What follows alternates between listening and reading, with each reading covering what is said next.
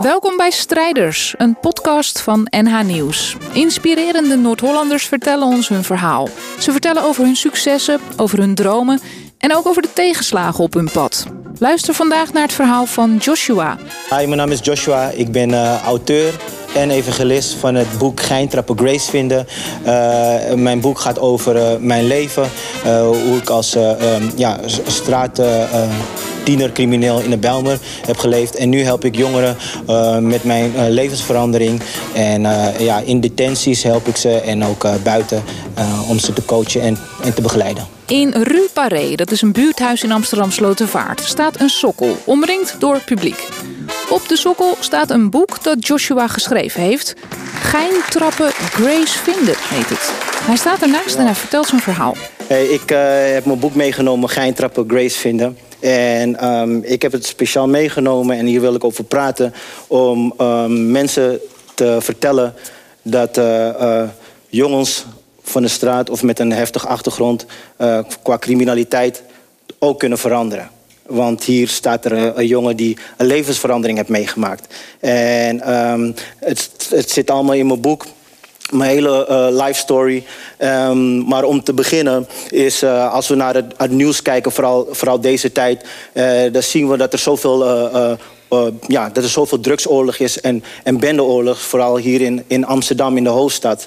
En um, um, ik werk veel met jonge mensen um, vanuit mijn geloofsperspectief, uh, evangelische gemeente, maar ook maatschappelijk werk ik met deze jongens uh, en ook met meisjes um, in detentie, maar ook daarbuiten. En ik wil jullie gewoon meenemen naar uh, wat het kern van het, van het probleem eigenlijk is. Want als wij kijken, vaak als gewone burger, zeg maar. Eh, velen van ons hebben een normale baan, een, een gezin, een gezinsleven, uh, een carrière maken we. En toch zie je aan de andere kant van de stad, uh, andere kant van het leven, dat er jongeren uh, zich ja, verkeren in, in drugs en in geweld. En dan vragen we ons af, hoe komt dat? Hoe komt dat? Omdat we eigenlijk alles hier hebben. We hebben zoveel banen uh, is beschikbaar. Er zijn opleidingen wat jongeren kunnen volgen. Uh, ze kunnen eigenlijk van alles doen. En daar, zo dacht ik ook een hele tijd.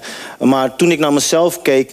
Um, en eigenlijk niet alleen naar mijzelf, maar als ik terugga naar mijn uh, vaderse tijd. Hij is van de jaren 70 en we zijn uh, van Zuid-Moluk's afkomst. En uh, hij kwam hier um, met mijn overgroot, of met mijn grootouders, sorry, kwamen ze hier. En velen kennen het verhaal met een belofte wat niet is nagekomen. En er was een teleurstelling, waardoor mijn vader um, een, een, gangster werd, een hele bekende, beruchte gangster hier in Amsterdam op de Zeedijk. Toen kwam de heroïne uh, net binnen. En hij heeft zelfs verkocht aan Mick Jagger, aan de Rolling Stones. Dus hij groeide op tot een uh, bekende drugsdealer. Um, en werd ook heel verslaafd. Zoals veel Molukkers en veel Surinaamse en ook Nederlandse uh, verslaafders op de Zeedijk. Maar zijn leven werd veranderd en um, om eventjes daarbij stil te staan, waarom werd hij verslaafd en waarom was er toen al criminaliteit? Omdat er teleurstelling was. Er was teleurstelling, er was uh, teleurstelling in de overheid, er teleurstelling in de regering en eigenlijk ook een beetje teleurstelling in zijn eigen ouders.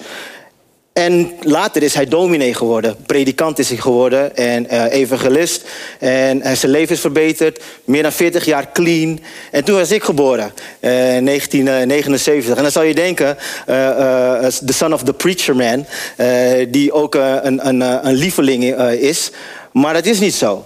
Want mijn vader die was uh, 100% vroeger in de onderwereld van Amsterdam. En op een gegeven moment was hij 100% in, uh, in het kerkleven. Hij was met goede zaken bezig. Alleen, hij was nooit aanwezig. Nou, en daar wil ik eigenlijk uh, ook vanavond uh, uh, ja, de minuten die ik heb met jullie over hebben. Want zelfs in mijn leven dat ik miste de contact met mijn vader, zocht ik het op straat. En ik zocht het op straat, ik ging niet meer naar school. Ik was een van de randgroep jongeren in de Bijlmer in Zuidoost. En uiteindelijk raakte ik ook verslaafd aan marihuana en aan alcohol. Ik kwam ook in aanraking met de politie en de justitie. En ik kwam ook in aanraking met harddrugs om het te verkopen. In de tijd hadden we hier uh, op de metrostations dat je bolletjes, heroïne en cocaïne kon verkopen. Nou, en ik was ook een van die jongeren die dat verkocht voor de grotere dealers. Maar wat ik wil zeggen is dat deed ik omdat ik een gemis had thuis. Nou, om een lang verhaal kort te maken. Um, ik heb mijn leven kunnen veranderen. En ik, ik, uh, ik ben meer dan 18 jaar getrouwd. Ik heb drie prachtige kinderen. en we wonen um, fijn in Amsterdam-Noord. Maar dat, dat heb ik ook meegemaakt vanuit mijn geloofsperspectief. Vanuit mijn geloofsovertuiging. Maar ook omdat ik weet dat waar een wil is, is een weg. En, en wij, ik wilde toch de goede weg opgaan. Nou, um, en daar eindigde het niet, want ik weet dat er nog honderden en misschien zelfs duizenden jongeren zijn in deze stad die met hetzelfde uh, zitten. Dus ik heb besloten om een boek te schrijven over mijn leven. En ik heb meer dan 6000 exemplaren kunnen verkopen. Het is uh, uh, ook vertaald in het Engels. Uh, en um, ik, het is in New York, mocht ik um, mijn verhaal vertellen. In de, in de Bronx, daar in de ghetto's. bij de zwarte gemeenschap. En, en ook in UK meerdere malen.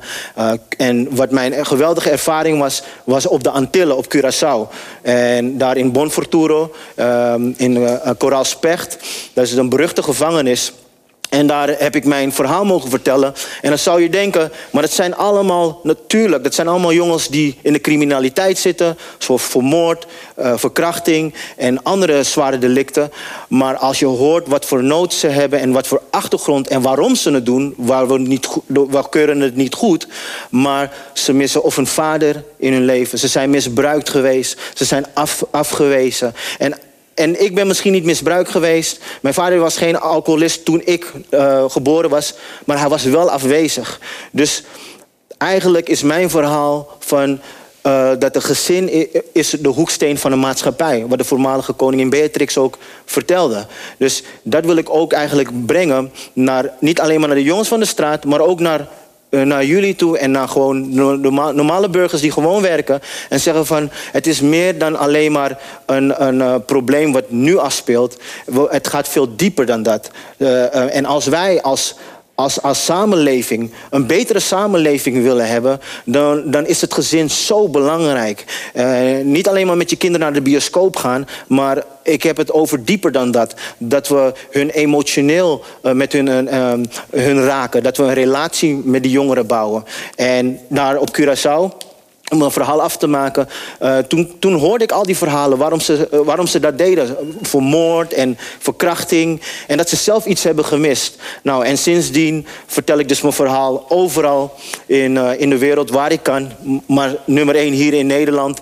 En ook de, de actuele bendes die je nu op het nieuws zien... die mag ik ook persoonlijk met hun praten. Ze vertrouwen bijna niemand. en, en, en ze laten mij wel toe, omdat ze zien van... hé, hey, Joshua was daar en hij is nu toch veranderd. Dus deze jongeren die, die verlangen naar een verandering. En als ik mijn steentje bij kan dragen door middel van mijn boek... wil ik dat graag doen om een beter Amsterdam te hebben. Dank je wel. Dit was het verhaal van Joshua uit de serie Strijders van NH Nieuws. Abonneer op onze podcast, dan krijg je vanzelf de nieuwste afleveringen. En alles over onze strijders vind je ook terug op nhnieuws.nl slash strijders.